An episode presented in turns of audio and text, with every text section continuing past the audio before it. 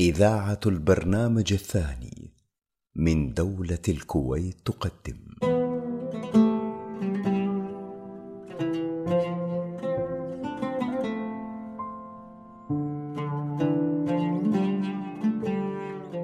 في ثنايا الأدب.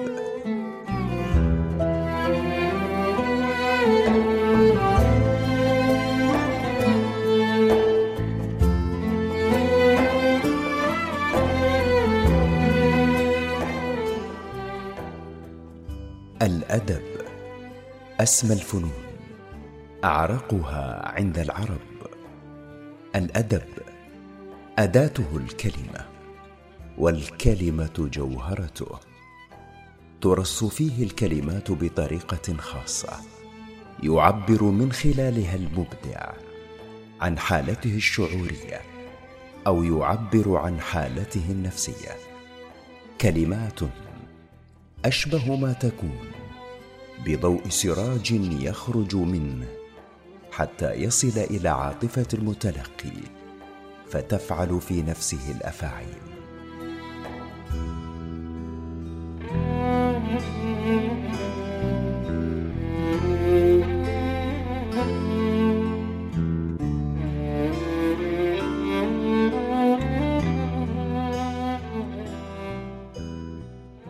في ثنايا الأدب.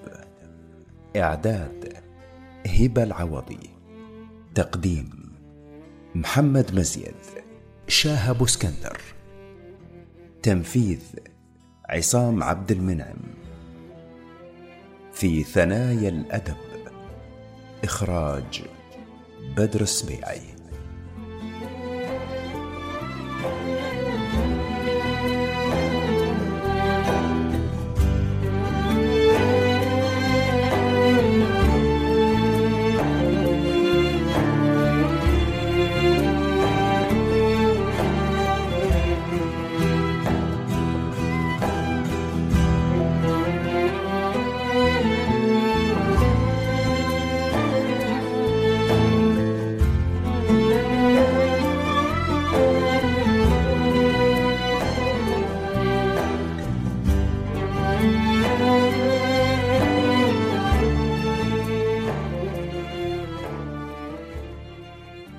أهلا ومرحبا بكم مستمعينا الكرام في حلقة أسبوعية جديدة مع برنامج في ثنايا الأدب.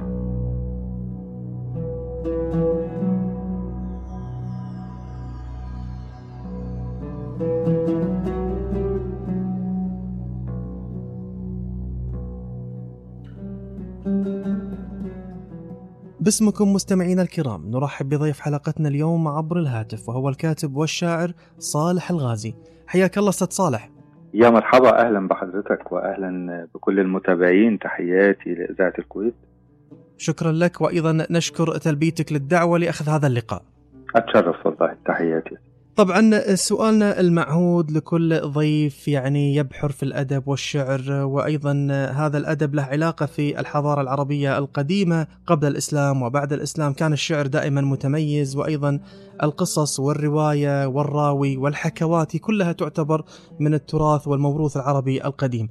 بداية لكل شيء بداية، ودنا اليوم نتكلم عن البداية التي انطلق منها الكاتب والشاعر صالح الغازي ولكن ليست البداية المقصود فيها البداية الأدبية إنما البداية في محيط الأسرة، البداية في مرحلة النشء، في المرحلة الطلابية، ما هي البذور الأولى أو الدوافع التي جعلتك تدخل في هذا المجال بشكل مباشر؟ البداية كانت في القراءة مع مكتبة الوالد. الوالد كان عنده مكتبة كبيرة المفروض في بيتنا. وكان في تشجيع كبير بداية من المجلات الأطفال اللي كان بيجيبها لنا. أول ما قريت مثلا كان في في مرحلة الإعدادية كان في رواية وإسلامات بتاع علي أحمد بكثير كان في مذكرات سياسية لعدد كبير جدا من من القادة والأسماء المعروفة سياسيا وكمان الوالد كان دارس للتاريخ جميل. والوعي التاريخي الحقيقة هو وعي كان بالنسبة لي مفيد جدا في يعني في مرحلة الإعدادية كنت قاري تقريبا جزء كبير من تاريخ المنطقة يعني. مرحلة الطفولة كانت في مدينة المحلة الكبرى. المحلة الكبرى هي مدينة صناعية وتجارية تشبه سوق كبير آه، فيها أشكال كتير وأنماط كتير يعني بتقابلهم طول الوقت آه، هي مركز آه، المفروض آه، مركز آه، يعني آه، تجاري وصناعي كبير يعني. آه، درست في مدرسة الفرير القديس أغسطينوس وهي مدرسة متميزة من ناحية التعليم ومن ناحية آه، الانفتاح بشكل عام على آه، حضارات أخرى وعلى رؤى أخرى غير منغلقة يعني. كان الوالد حريص إنه آه، أشترك كمان في مكتبة آه، تابعة ل- لعمله في غزل المحلة. دي كانت البداية يمكن في الإعدادي والثانوي كده. المرحلة ديت آه، فرقت معايا بشكل كبير في التكوين. أستاذ صالح يعني دعني أسأل أيضا آه، حضرتك ذكرت وجود المكتبة المنزلية، كثير من الأدباء كان دائما يذكر في التاريخ القديم والبدايات أن كانت هناك كتب وقعت بين أيديه سواء كانت في مكتبة المدرسة أو المكتبة المنزلية. أهمية القراءة والمطالعة وأيضا هل بالفعل هذه الأجواء قد تشجع كاتب أو قد تشجع إلى انطلاق شاعر بيننا؟ هو الحقيقة بقى يعني آه، الميول للشخص هي اللي بتفرق في الموضوع ده يعني آه، في آه، شخص ممكن يكون مش مهتم بيه ابدا يعني. خصوصا إن آه، إحنا في عصر شوية ال- التكنولوجيا والالعاب ممكن تاخد جزء كبير من اهتمام الشباب والأطفال آه، علشان كده بشكل كبير استعداد الشخص نفسه ناحية آه، القراءة هو اللي بيفرق يعني نعم. ففي شخص ممكن يتحط قدامه فعلا كتاب وي... ويقراه وممكن آخر ما يبقاش الموضوع جذاب بالنسبة له هل يعود هذا السبب يعني أستاذ صالح من ناحية آه، أن التسالي في الزمن القديم كان لها لونها وأيضا كان لها أيضا آه، توجهها الخاص؟ لذلك يعني انشغال الناس في هذا التطور التكنولوجي وهذه البرامج الكثيرة يعني أشغلت الناس وحيزتهم وأبعدتهم عن أمور كثيرة. لذلك خرجت مواهب جديدة وألعاب جديدة قد تشتت فكر الأبناء. هل الصحيح آه، نركز على موضوع المفيد النافع لأبنائنا. يعني نشوف أبناء اليوم قاعدين يشتغلون في أمور لا تكون نافعه هي هدر الوقت بمعنى الكلمة. هناك بعض المشاريع أو بعض البرامج آه، المطورة تكون فيها معلومات وفيها تطورات وفيها مراحل تتنقل من أفضل إلى أفضل. هل بالفعل الآن نتدخل في جودة آه، تسالي أبنائنا؟ هذا الأفضل يكون؟ طبعا آه، المفروض يبقى في تدخل آه، في جودة آه، تسليتهم. آه، يبقى في تنوع. يعني أنا أنا ما بقولش نمنع عنهم آه، ده إنما آه، يبقى في توجيه يعني تحديد للوقت. هو طبعا يجب آه، إن يتدخل آه، ال- الأبوين. آه، في آه، توجيه ال- الشباب أو الطفل لل... طبعا مش هنقدر نمنعهم بشكل كامل إنما نقدر نوجه ده. نوجه لل... في الوقت على مستوى الوقت. يبقى في وقت محدد آه،. لاستعمال آه، الألعاب يبقى في أوقات آه، ألعاب تناسب سنهم نختار لهم في حاجة اسمها الرقابة الأبوية كمان في. في السلوك آه لا الرقابة الأبوية في. في ال PlayStation في الله. التليفون في حاجة اسمها كده ممكن نتحكم المتابعه فيها. نعم ضبط المتابعة. يمكن قاعد نشوف بعض أولياء الأمور مثلا في فترة العطلة الصيفية إحنا لازم نتكلم عن مرحلة النشء لأي مبدع. آه، عندما نتدخل في إدارة الوقت عندما نتدخل أيضا في التوجيه الغير مباشر في إدخالهم دورات هي عبارة عن دورات تثقيفية دورات تدريبية دورات أيضا تنشيطية لبعض الأمور. هنا ولي الأمر أيضا يهدر الوقت في المفيد النافع. هل تؤيد إشغال الأبناء خصوصا في فترات العطل والراحة؟ آه، أكيد طبعا. اشغال الأبناء آه، في فترة العطلة والراحة ده آه، مهمة عند الأب عند الأبوين. يعني دي المهمة الأساسية اللي المفروض يعملوها يشغلوها في ألعاب رياضية في, في القراءة. أنا أفتكر آه، طفولتي آه، بلعب مصارعة رومانيه معايا ميدالية برونزية. كنت يعني مداوم بشكل كبير على الذهاب لل النادي وده بيأثر في في التفكير وبيأثر في توجهك يعني. فالحقيقة أن لعب الرياضة هو جزء مهم جدا للياقة آه، عند الإنسان. آه،. في في رؤيته للآخر في رؤيته للعالم من حواليه ده بيفرق بشكل كبير. بالعودة إلى بداية المحور الأول هناك يعني من يكون لديه البيئة الجيدة محيطة لكن يكون إنسان سيء أو مثلا آه، شاب سيء.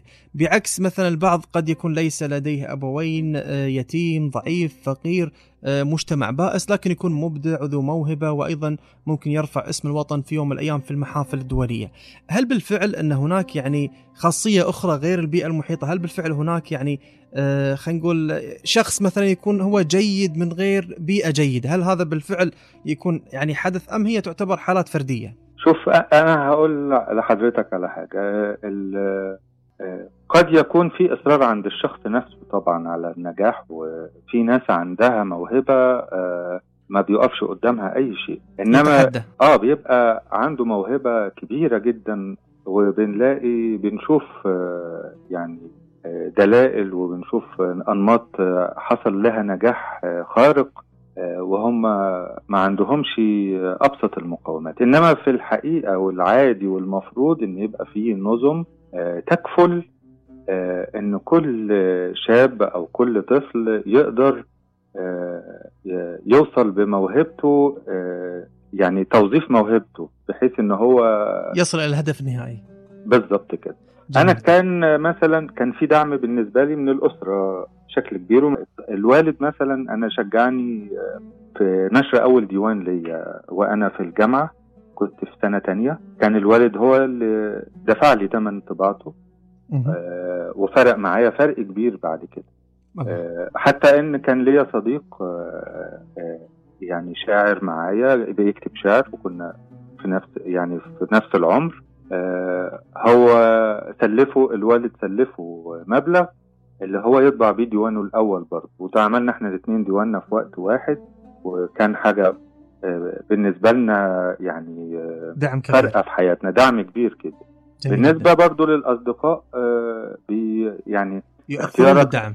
اختيار الأصدقاء اختيارك للأصدقاء أو توجيه الأسرة ناحية إن هم إن أنت تختار الصديق أو حسب القيم اللي غرستها فيك الأسرة. فأنا أصدقائي عملوا لي دعم كبير جدا سواء في مناقشات جادة قراءات جادة. إحنا كنا مشاورات مثلا مشاورات. إحنا كنا أغلب جلساتنا أو جلساتنا في مرحلة الشباب كانت عن مناقشة كتب.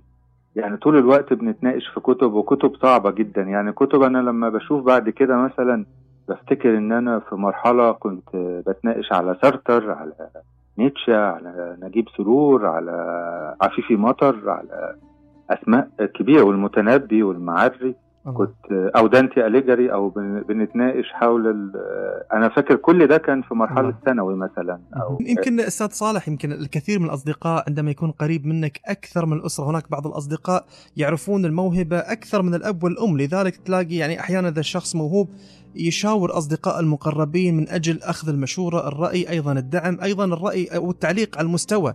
كثير من الناس كان أصدقائهم الداعمين الأوائل لهم في انطلاقتهم في مواهبهم واكتشاف هذه المواهب. هل بالفعل آه، أحيانا تكون هذه البيئة هي فعلا هي الداعم الأول قبل الأسرة؟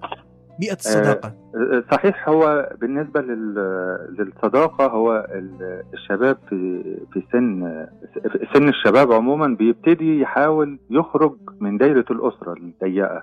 دايرة الأسرة اللي هي آه، خاصة بالمتابعة اللي هي خاصة الابن المسؤول عنه إلى الشاب المنطلق أو الحماسي أيوه اللي هو خاصة بالمس... بتحميله مسؤوليات آه، بتلقينه ب... إلزامه. عايز ينطلق لحياة أرحب فبيبقى اصدقائه هم أكثر المؤثرين فيه. الله هذا دافع كي... نفسي كبير نعم. صحيح في أصدقاء كتير آه، بيضللوا الشاب وفي أصدقاء بي... بي... بيقدروا إن هم يعني يكون في أسس صالحة لتنمية مواهبهم أو تنمية إبداعاتهم أو حتى الحياة بشكل عادي طبيعي يعني بدون يعني بدون بدون تضليلات يعني. جميل جدا. الكاتب والشاعر الأستاذ صالح الغازي سنأخذ معك هذا الفاصل القصير ومن ثم نعود.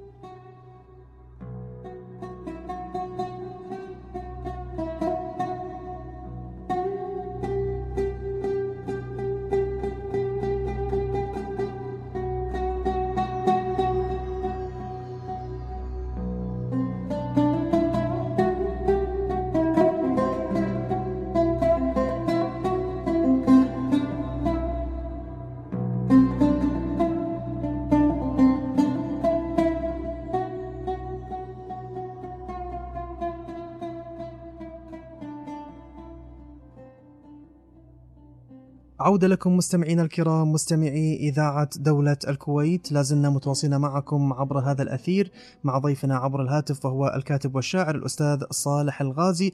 نرحب فيك مجددا. يا أهلا بك.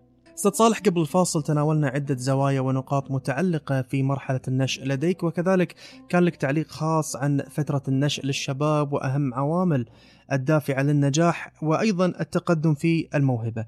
اليوم ودنا نتكلم عن بداياتك في مجال الكتابة ومن ثم سننتقل إلى مجال الشعر لكن الكتابة متى بدأت تكتب كتابات خاصة وآراء خاصة متعلقة في الخيال الداخلي لك؟ بعد الإعدادي بشوية. آه بدأت أكتب بعض الأشعار بدأت أكتب آه بعض المقالات آه على خفيف كده. يعني آه بعض القصص القصيرة. دي كانت في مرحلة الإعدادي والثانوي. إنما خدت مرحلة طويلة طبعا في القراءة لأن القراية يعني مع القراية بتبتدي تعرف مكانك وسط الكتاب مكانك وسط الأسلوب اللي ممكن تاخده طريقة تفكيرك يعني تخرج الأفكار اللي جواك إزاي دي برضو حاجة مهمة جدا. فكان أول ديوان ليا زي ما قلت لحضرتك كان اسمه نازل طالع زي عصاية كمانجة. ده كان في سنة 98 تقريبا أول إصدار. العنوان جدا جميل. هل يعني هذا الديوان يحمل في طياته؟ يعني أمور متعلقة في الموسيقى أم هي تشبيه فقط؟ إنما هو كان محاولة اصطياد حياة تخصني. محاولة اصطياد إيقاع خاص. عايز أكتب زي ما بفكر زي حالتي مش بحاول أقلد حد. فكانت فكرة الطلوع والنزول فكرة إن أنا أحاول آخد خيالك بأي شكل ناحية الكلام اللي أنا بقوله فجات عندي يعني هو كان رؤية بشكل كبير اللي هو نازل طالع زي عصاية كمانجة بحاول آخد حواسك لما أريد أن أقول. وده كان بداية النشر بالنسبة لي. تذكر في أي عام؟ 1998 الله ليس ببعيد. آه 98 ده آه يعني عملت الديوان. بعد كده حصل له آه مناقشة في معرض القاهرة الدولي للكتاب وكانت مناقشة ثريه جدا واستفدت منها كتير. آه حضرها عدد كبير من النقاد والاساتذه سيد الوكيل ومسعود شومان والشاعر الراحل مجدي الجبري. وأدارها وليد طلعت وكانت الحقيقة وبعدها حتى كتب عن الكتاب مجموعة من المقالات النقدية اللي أفادتني يعني فرقت معايا بشكل كبير طبعا الديوان الأول ده. هو ده الديوان اللي الوالد مولهولي يعني. فكان يعني تذكرة دخول الوسط الأدبي بدأت أبقى موجود يعني وأحس إن أنا ليا تواجد في قبيلة الشعراء أو الساحة الشعرية خلينا نقول. أو الساحة الشعرية. طيب يعني تاريخ 98 إحنا ما ودنا نقول تاريخ بعيد جدا وليس قريب جدا لكن يعتبر يعني من التواريخ الحديثة. هل تعتقد أنك تأخرت في إصدار هذا الديوان أم تعتقد أنه كان وقت مبكر بالنسبة بالمقارنة مع عمرك؟ لا هو كان أنا كنت في في تانية جامعة فكان هو وقت جيد بالنسبة اللي حصل إن أنا بعد كده قعدت يمكن سبع أو ثمان سنوات أو أكتر عشر سنوات كمان على ما أصدرت الديوان الثاني. لأن بدأت أخرج من مع إن كنت يعني كنت أنهيته أصلا. طيب. عفوا يعني إحنا ودنا نوقف عند هذه النقطة يعني أستاذ صالح. ما بين إصدار الديوان الأول والثاني عشر سنوات كنت أعتقد أن بعد إصدارك هذا الديوان وبعد هذه المناقشة وبعد هذا النقاش وأضاف لك مثل ما تفضلت العديد من النقاط المهمة في تطوير يعني هذا هذه الانطلاقة لماذا توقفت عشر سنوات؟ زمن كبير يعني أن تكون متوقفا. أه هو الحقيقة ما حصلش توقف عشر سنوات. اللي حصل إن أنا كتبت فعلا في الفترة دي إنما النشر هو اللي ما قدرتش انشر أخرت هذا الاصدار ليه بقى؟ السبب الحقيقة كان من النقلة من طالب في الجامعة إلى خريج للجامعة وبعد كده مسؤول عن يعني حياته مسؤول عن بدو... بي... بي يعني الوظيفة نعم. الزواج ال... معذور. ده خد ده ك... آه طبعا. معذور في هذا. نعم. ده كله آه آه كان أنا كان اعتقادي وكان راسخ عندي إن أنا لن أدفع مبالغ مالية في إصدار كتاب جديد. الكتاب حصل بقى في 2008 انه إن هو اتنشر الديوان اللي هو اتأخر لفترة طويلة. آه ويمكن بعد كده بقى حصل إن كل سنتين في كتاب ليا تقريبا. ما شاء الله. جميل جدا هذا التتالي. وأكيد العمر أحيانا يكون قصير في رأي الكاتب لأن الكتاب دائما يعتقدون إن العمر لا يكفي. لإصدار هذه الكتب وكثير من الكتاب يعني كتبهم بقيت مئات السنين بسبب هذا المحتوى وهذا الكم الهائل داخل هذه الكتب. ودنا اليوم نتكلم عن أول ديوان أصدرته. أكيد نعم. أول ديوان لا ينسى يكون فيه ممكن في بعض الملاحظات لك أو عليك في هذا الكتاب بدنا نفتح هذا الكتاب ونتكلم عن هذا الديوان تحديدا وعن ما يحمل في طياته هذا الديوان الأول الديوان الأول نازل طالع زي عصاية كمانجا هو طبعا كان زي ما قلت محاولة لإثبات وجود. يعني بحاول أقول أنا موجود من خلال رؤية خاصة ورؤية يعني تخصني لوحدي مش شبه حد. بصمة خاصة. كان وتكل... وطبعا العنوان كان جاذب.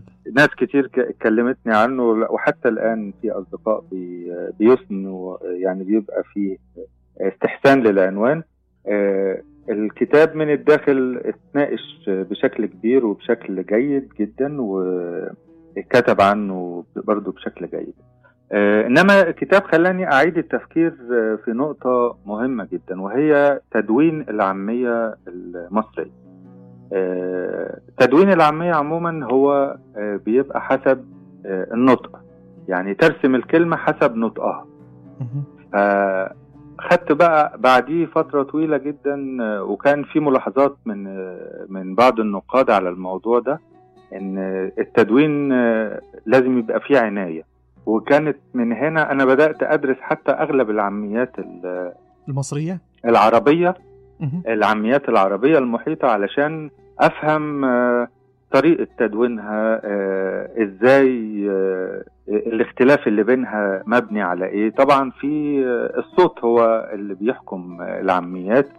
الصوت مبني على نقط مهمة مثلا الصيادين الفلاحين. نعم يعني أيضا مصر يعني ما شاء الله تمتلك مساحة شاسعة وكبيرة يعني أهل الشمال المصري تختلف لهجتهم المحلية عن أهل الصعيد في الجنوب كذلك أهل المنطقة الشرقية كذلك يعني غرب مصر على حدود ليبيا. إحنا شفنا يعني من خلال بعض برامج التواصل وبعض القنوات الأخبارية عندما يكون هناك لقاء مع أحد القرى المصرية كنا نلاحظ هذا الاختلاف. يعني حتى في في مصر من خلال اللهجة أعرف من أي محافظة. صحيح فيه تراث ضخم من الأمثال الشعبية والسير والمواويل والحواديت الشعبية والح... اللي هي أج... والحز... اللي هي أشبه بالحزاوي والشيلات في الخليج والتهليلات والقدود في الشام في كذلك طوائف كذلك بدو كتير مصر. يعني نعم.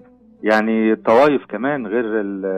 الحاضرة. غير نعم. آه طوائف اللي هي آه طوائف المهن. نعم. آه كمان في مصر متعددة يعني في حاجة اسمها النحاسين في حاجة في الموضوع له أبعاده له له أبعاده الكتيرة جدا وله ثراءه يعني. صحيح.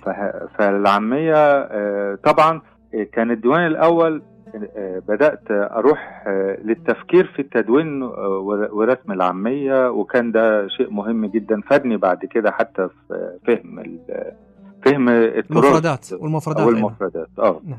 هناك أيضا يعني أستاذ صالح مرادفات لبعض المعاني أيضا في بلدان أخرى قد تتشابه المعاني يعني ممكن في اللهجة الليبية أو اللهجة الخليجية المحلية كذلك المصرية تكون بعض الكلمات تعطي يعني معاني مغايرة هل هذا الكتاب كان هناك فيه يعني لبس أو بعض هذه الأشعار محليا كان فيها كلمات غير واضحة أو تم انتقادها مثلا؟ لا يعني كلها كانت يعني أنا بحاول بسيطة. ما ما ما اصطادش الغريب أنا بحاول في رؤيتي بشكل عام إن أنا أوصل الحالة بتاعتي يعني الحالة بشكل بسيط. جميل جدا. ولا يعني لا أتطرق للغريب أو للألفاظ المستفزة. أو, أو اللي يصعب فهمها. أيوه. نعم. بما أنك يعني تطرقت إلى اللهجة المصرية المحلية وهذا محل اعتزاز أيضا كونك يعني مواطن مصري لذلك يعني حرصت على إظهار هذه اللهجة في هذه الأشعار آه خلينا نقول الأدبية المحلية. هل من الممكن يعني تعطينا يعني جزء من هذه الأشعار وهذه الأبيات مثلا مما تذكر من هذه الدواوين؟ أنا يعني ممكن أقول لك نظرة فلسطين. ممكن نظرة براءة تتحول نظرة ذهول تتجسد الدناءة في مدينة البتول. ياما شهداء وأرامل بيواجهوا الرشاشات والعالم لسه خامل بيتابع الشاشات. مين عامل؟ مناضل. يكرر شعارات ويعلن بيانات. ومين اللي موالس بيبرر للأبالس ومين في المواجهة؟ واجه جنازير يواجه التهجير القدس عزة للبصير وغزة وخزة في الضمير أرض حنة وجنة ديني حقك مدنة والجرس يحييني وتلحقيني والدمعة في عيني تتحجر والضي في عيني يستنظر. حق العودة ده حق. ولا يحمل همك إلا فلسطيني. قدرك بيلحقك يا فلسطين لا فضل فوق يعني ما شاء الله كلمات جميلة وأيضا معبرة. كنت أتوقع أنك ستتحدث عن شيء متعلق في مصر لكن ما شاء الله هذه الأشعار كانت أيضا لها علاقة قومية آه، تحارب الظلم وتحارب الاحتلال وأيضا تكون واقفة مع الجيران وعند الجيران من أرض الكنانة مصر. جميل جدا هذه الأبيات. يعني شنو الشيء اللي كان دافع لكتابة مثل هذه الأبيات؟ وأيضا شنو الظروف اللي انطلقت فيها؟ متى كتبتها؟ الأبيات دي كتبتها مؤخرا يمكن الشهر اللي فات في الحادثة الأخيرة الخاصة بالمسجد الأقصى الهجوم على المسجد الأقصى ودعمنا له نعم. يعني إن القضية القضية في الأساس هي قضية إنسانية يعني إحنا بنتكلم بشكل إنساني نعم. كمان. قد يفنى الإنسان لكن يبقى ما كتب. صحيح. يعني كانت كانت الفترة الأخيرة هي الدافع كمان لل للقصيدة. كثير يعني أستاذ صالح يعني من الناس مثلا يختار موضوع مؤثر. هل بالفعل أحيانا اختيار المواضيع المؤثرة تكون سهلة لإشهار الشعراء الذين يبحثون عن الشهرة؟ يعني هل بالفعل هناك من يستغل هذه الموهبة الجميلة موهبة الشعر في تسليط الضوء أحيانا على بعض المواضيع من أجل إشهار اسمه أو إشهار قصيدته؟ هل هناك فعلا من هو أيضا بعكس ذلك يكون إنسان مثلا محب لجيرانه وأيضا محب لهذه الإنسانية ويحارب كل أوجه الظلم بأسلوبه المتميز الشعري؟ في الحقيقة الموضوع يخص بضمير المبدع أو الكاتب. فيه البعض بياخد بعض الموضوعات المؤثرة ويعمل عليها شكل فني علشان يوصل بس فأعتقد إن بيبان ده يعني بيظهر الصدق, الصدق الفني بيبان. فيه ناس شطار يعني فيه بعض الفنانين أو المبدعين شطار يقدروا إن هم يعملوا ده من غير ما نحس. آه نيجي إحنا نقف قدام آه نقطة مهمة جدا. آه هل أنا آه أقدر آه أوصل لضمير المبدع ده؟ آه أعرف إيه اللي كان يقصده ولا يهمني النتيجة؟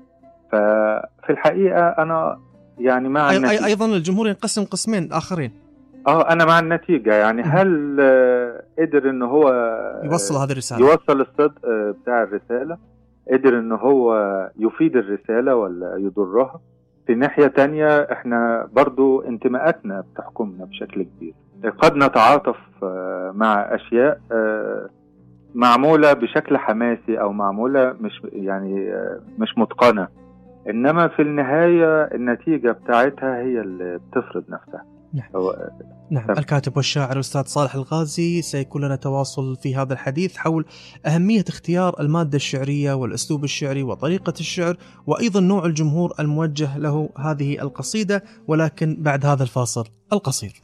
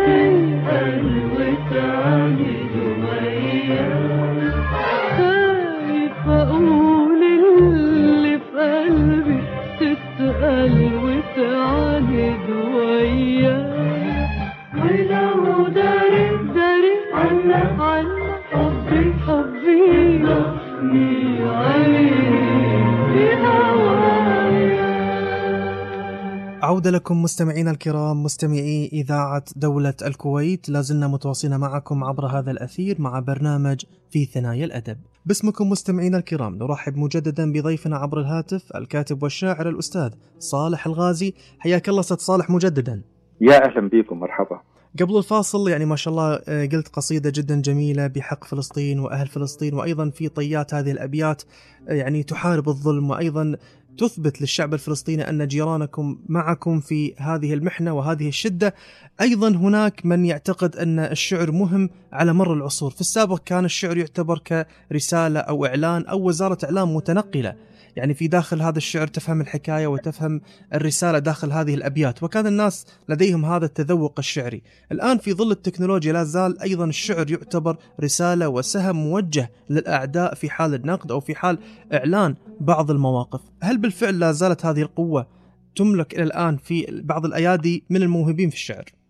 طبعا الشعر آه، هو فن الدراما سره المكنون عبر كل العصور.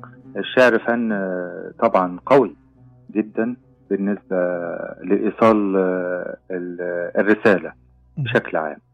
إنما كل الفنون الأدبية يعني في استثناء بسيط للرواية هي في أزمة حقيقية دلوقتي في إنها تكون الشكل الأمثل لإيصال آه، الرسالة.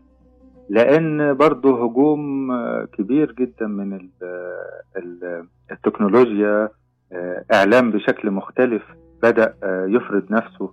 آه، مواقع التواصل الاجتماعي تقدر تقول إن هي تنتج آه، آه، أو شكل خطاب مختلف. يعني بتقلل شوية أو بتخلي في تراجع لأغلب ال- الوسائل التقليدية اللي عرفها الإنسان من بدايته. ه- هذا يجعلنا نتوجه إلى السؤال عن الساحة الأدبية الحالية والسابقة. شنو اختلف الساحة الأدبية آه، بشكل عام آه، آه، يعني باستمرار اللغة العربية أنتجت آه، عدد كبير من من الكتاب والأدباء في على مر العصور يعني. أعتقد إن الاختلاف مش كبير يعني مش لدرجة إن إحنا نقول إن في أزمة أو إن إحنا نقول إن فيه آه، يعني. تراجع أو آه يعني. ما أقدرش أقول كده نعم. إنما آه، فيه آه، انتصار آه، للشكل العالمي للمعرفة. بقى موجود. الشكل العالمي للإبداع يعني آه، أنا هقول لحضرتك آه، مثلا آه، كلنا دلوقتي عارفين الكتاب في كل مكان في العالم. كلنا عندنا ثقافة كبيرة جدا سينمائية مثلا. آه، ده مش ما كانش متاح مثلا قبل قبل كده. يعني بداية القرن الماضي مثلا ما كانش كان في ما نعرفش كتير عن آه، آه، الصين ما نعرفش كتير عن أمريكا ما نعرفش كتير عن باب المعرفة كان محدود. المعرفة دلوقتي أكتر.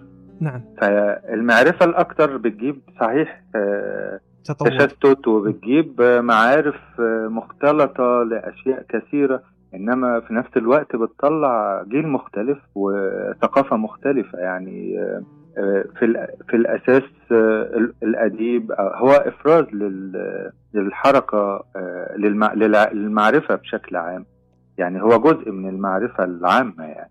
نعم. فأعتقد إن برضو يعني ما نقدرش نحكم بشكل في مصادرة على ال على ال على جيل عن جيل يعني أكيد يعني إحنا نقدر نقول مثلا. آه، بدون مقاطعة لحضرتك. آه، نقدر نقول مثلا إيه كان فيه آه، كاتب كبير حاضر زي تشيكوف أو ديستوفيسكي أو وكنا بنعرف دول بعد يعني خمسين سنة مثلا من ظهوره أو بعد وفاته أو مهم. دلوقتي إحنا بقينا نعرف حاليا كل الكتاب تقريبا اللي موجودين وحركة الترجمة دلوقتي نسبيا أكتر من قبل كده مع إنها طبعا المفروض تبقى يعني أكبر.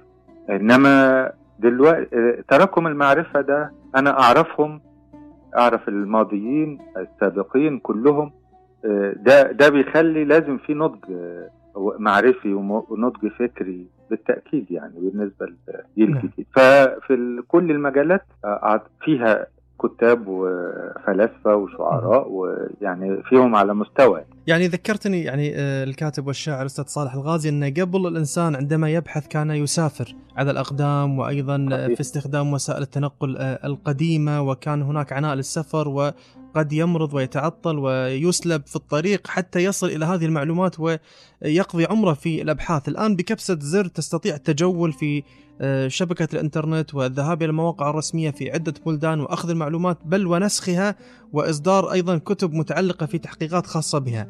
هل تعتقد أن سرعة البحث هذه أيضا سهلت على الباحثين عن العلم أو عن المجال ال- المتنوع في الإيصال بشكل أسرع. هذا أيضا يفيده في التقليل كأنه عاش مرتين أو ثلاث مرات بالنسبة مقارنة بالباحث القديم. صحيح. آه، دلوقتي مجالات آه، أو آه، مصادر البحث متوفرة بشكل كبير. آه، إحنا قبل كده كنا بنتعب علشان نلاقي كتب. أو مكتبة. يعني أنا أنا هقول لك آه، في كتب كتير أنا كنت آه، آه، وأنا يعني آه، زي ما قلت آه، آه، مواليد 1974 آه، إنما في بداية حياتي في كتب كتير ما كنتش بعرف الاقاها آه،. خالص آه، وبصعوبة نحصل عليها دلوقتي تقريبا السماوات مفتوحة يعني. زي ما بيقولوا أصبح العالم كقرية واحدة كما يطلقون عليها. آه يعني المعرفة بقت أيسر كتير ده بي ده بي ده ده له ده سلا- سلاح ذو حدين. الجزء الأول أو الشق الأول منه أو الحد الأول إن آه، ممكن يبقى في حد آه، عنده شغف آه، في مجال فيشبع ده و...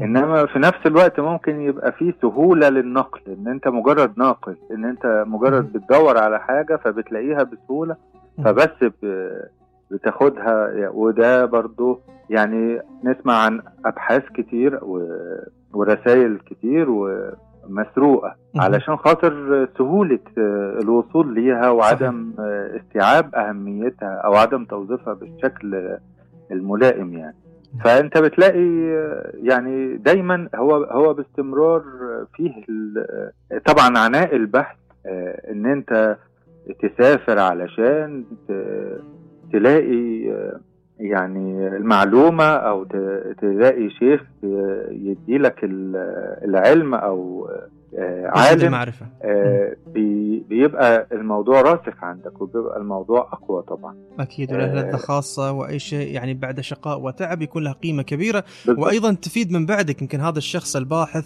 اللي يجمع هذه الأسفار في كتاب أيضا يخدم الجيل اللي بعده إنه ما يتعب ويصل إلى هذه النسخة وهذا المصدر فيستريح من هذه المعلومة. انه مثل ما تفضلت ال- الناس تطورت الآن وأصبحت يعني هناك برامج خاصة لهذا الموضوع وأساليب مختلفة. اليوم بدنا أيضا نتكلم عن من يحارب من يتكلم أو يكتب أو يلقي الشعر بالعامية. آه، نعم. دائما يتهم يعني هؤلاء الأشخاص أنهم يعني يحاربون اللغة العربية والأشخاص الآخرين يقولون نحن نحافظ على اللغة العربية. هل تعتقد أن أن هذا شيء وهذا شيء آخر؟ هناك من يقول أنا أتكلم بلهجة محلية أو أكتب الن- النثر بلهجة محلية لأن هذا خاص في وطني وأيضا في أسلوبي الخاص لكن لا أحارب اللغة العربية. نعم. تعليقك على آه، هذا. هو شعر الفصحى أو الفصحى بشكل عام شعر الفصحى هو شعر المكتوب حسب القواعد الأساسية للغة العربية في المعاجم أو فيما اتفق عليه. إنما العامية هي قصيدة آه، من نبض الحياة آه، آه، تستعمل أو ترسم كما ننطقها لغة شفهية في كل بلد له عاميته اللي هي من مجموعة أمثال وخبرات يتناقلها جيل ينقلها جيل لجيل. آه، أبطالها كثيرين آه، في الوطن العربي بنلاقي في مصر بيرام التونسي وصلاح جاهين وفؤاد حداد في لبنان في جوزيف حرب وطلال حيدر في الكويت في فهد بروسلي وفايق عبد الجليل آه، وغيرهم. الشعر ممكن يطلع من العامية وممكن يطلع من اللغة لازم تترك للتطور. العامية الع- اللغة العربية هي اللغة الأم. هي أم كل العاميات. المفروض تحتضن العاميات ولا تلفظ إطلاقا يعني. اللي عندك هقول لك على تجربة تجربة العامية آه، تجربة الفرعونية آه، اللغة الفرعونية. ليه اندثرت؟ ليه حصل لها آه، مشكلة كبيرة جدا؟ إن هي ال- الكهنة كانوا هم اللي بيستعملوها. وتركوا آه، العامة بعيد يعني كل النصوص المصرية كل آه،. الأسرار والعلم المصري اتعمل بالفرعونية اللي هي لغة لغة الكهنة. الرسمية. الرسمية. نعم. ده خلاها آه، بعد فترات طويلة ال- العلم بتاعهم قعد سنين طويلة يعني تراجع حضاري لمصر في الفترة ديت أعتقد إن هو ده السبب. إنما أرجع للعامية والفصحى. السرد ال- ال-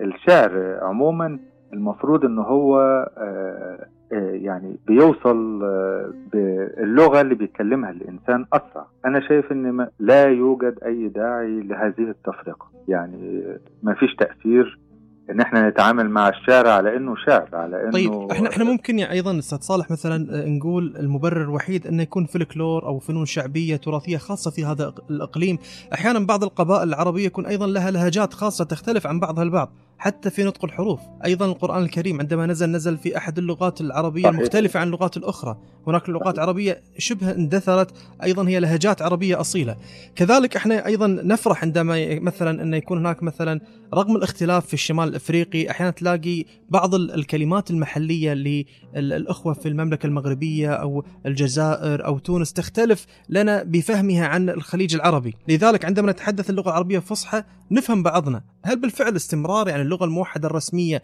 في وسائل الإعلام، في الأخبار، في الصحف، في المقالات هي نوع من الدعم أيضا للجيل الآخر مع ترك المحليات. طبعا يعني آه، آه، أنا مش شايف إن في مانع إن يبقى في اللغة الرسمية التي آه، آه، تقرأ بها نشرة الأخبار و... إنما العامية طيب كفنون- كفنون، هقول- نتركها لوحدها. هقول لك نقطة مهمة في الموضوع ده.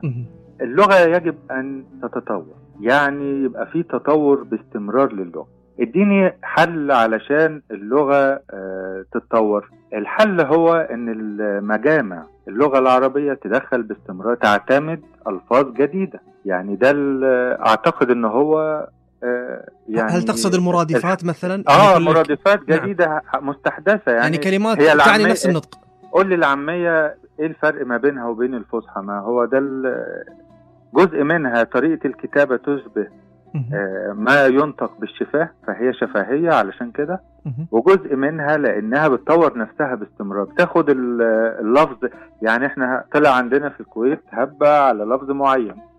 كويس؟ مش كده؟ مش ده بيحصل؟ نعم. وتلاقي اللفظ بنستعمله في الإعلانات وبنستعمله يوميا اللي هو مثلا الإنجليزي المعرب أو مثلا بعض ال- ال- الحروف اللي تعني شيء أو الارقام أيضا. بنستعملها في اليوم باستمرار ودي مفهومة. بقت جزء من كلامنا أصلا. مهم. وتقريبا آه، أنت في كلام باللغة العربية لو قلته في الحقيقة هيضحك عليك. يعني هت- صحيح. هتلاقي حد يسخر منك أو أو يستنكر يعني. هذه الجملة أو هذه الكلمة رغم ف- إنها من أصل اللغة.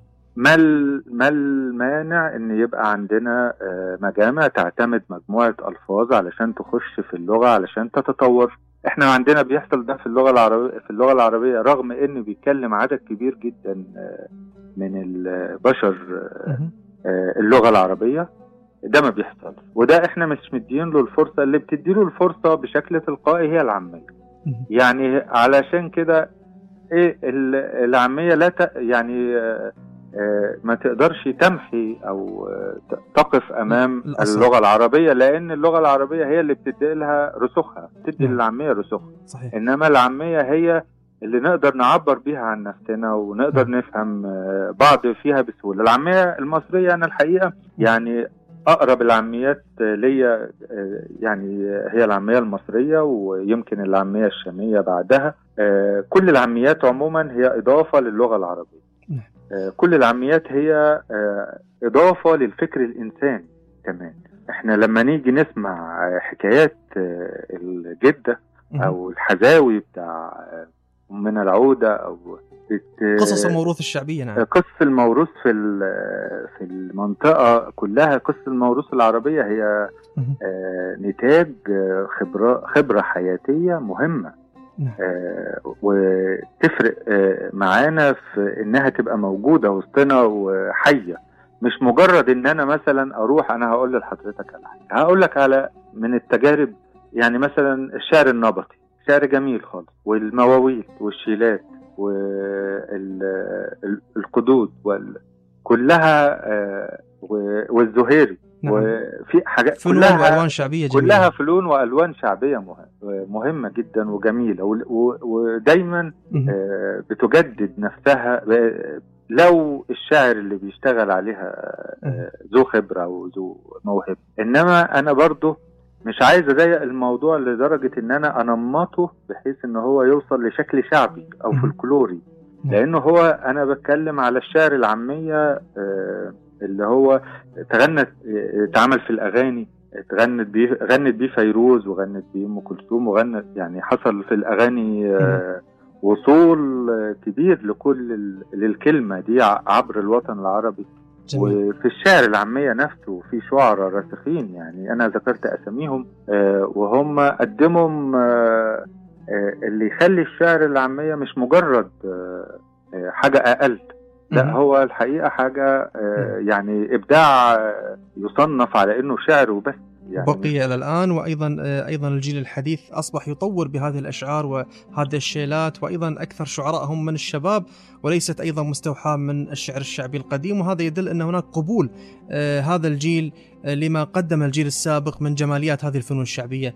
الكاتب والشاعر أستاذ صالح الغازي لم يبقى من وقت البرنامج إلا أقل القليل ولم نتناول أيضا سيرتك الذاتية بشكل أعمق ولن نتكلم أيضا عن آه، دخولك في مجال الصحافة وتحديدا الصحافة الكويتية والمقالات التي تقوم بإلقائها أيضا في هذه الصحف وأيضا يقرأها المواطنين ودنا نتكلم أكثر وأكثر لكن وقت البرنامج شارف على الانتهاء. حاب أختم معاك بقصيدة شعبية مصرية ومن ثم إن شاء الله يكون تتم لنا في هذه الحلقة إن شاء الله في الأسبوع القادم بحلقة أخرى بإذن الله تعالى. شنو حاب تختم في قصيدة من دواوينك؟ قصيدة شعار المرحلة. الأشعة الحمراء تكشف المتخبي ولا يسويها في الدهاء إلا عيون اللي بيحبوني. شايف الأشباح. وسوبرمان خلفية شاشة الكمبيوتر. برتب أوراقي يمكن ربنا يكرم. أو وشي السمح يشفع لي. وأملك إيراد في جنة العصابات. مع إني فاهم في الحسابات لكنها خاصية غير مفعلة. حكايات الضحايا عرفتني تمن كل شيء. كلنا في السباق. بجري كأني قاعد على ركبتي وميت من الضحك. بجري كأني بردد أغنية قديمة بتفكرني بذكرى. بسامح الأعداء ومش عارف أسامح صحابي. الله. شكرا لك على هذه الكلمات اللي تعتبر أيضا هي رأي شخصي في المجتمع وهي أيضا رأي شخصي في المحيط من حولك من هذه المشاعر. نشكرك يعني على هذه الكلمات وأيضا نشكرك على بعض النقاط المهمة التي طرقت لها في خلال هذه الحلقة وهذه الساعة. لم يبقى إلا القليل. بأقل من دقيقة شنو حاب توجه رسالة للشباب الداخلين في مجال الشعر الشعبي والمحلي تحديدا؟ الكتابة بتحتاج آه، لقراءة كتيرة. آه، يجب إن إحنا نتعرف على كل الأنماط ونستوعبها. آه، أنصح بإن ما ناخدش نموذج ونقلده. ممكن أكون قارئ بس مش لازم أكون قارئ وكاتب مش مش بالضرورة. آه، مفيش داعي إن أنا أكتب وأنا غير مستعد. الكتابة مش وجاهة الكتابة موهبة ومسؤولية. تعرف على كل أنا بكتب الأدب العامية العامية مثلا مش لازم أنحصر على قراءاتي في العامية بس كل شيء.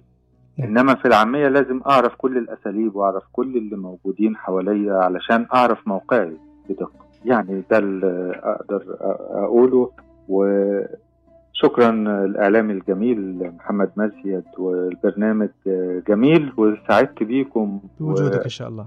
وإن شاء الله لنا لقاءات آه، آه، تالية. بإذن. باذن الله تعالى. كل الشكر لك الكاتب والشاعر الأستاذ صالح الغازي.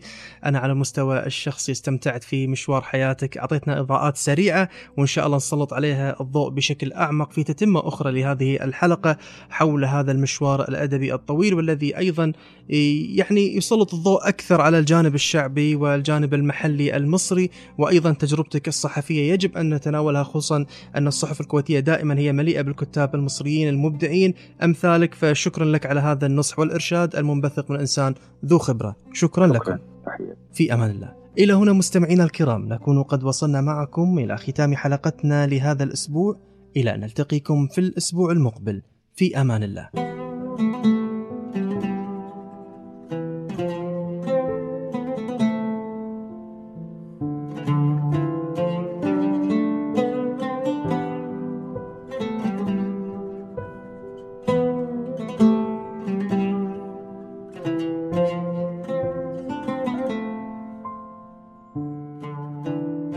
تقبلوا التحايا من أسرة البرنامج.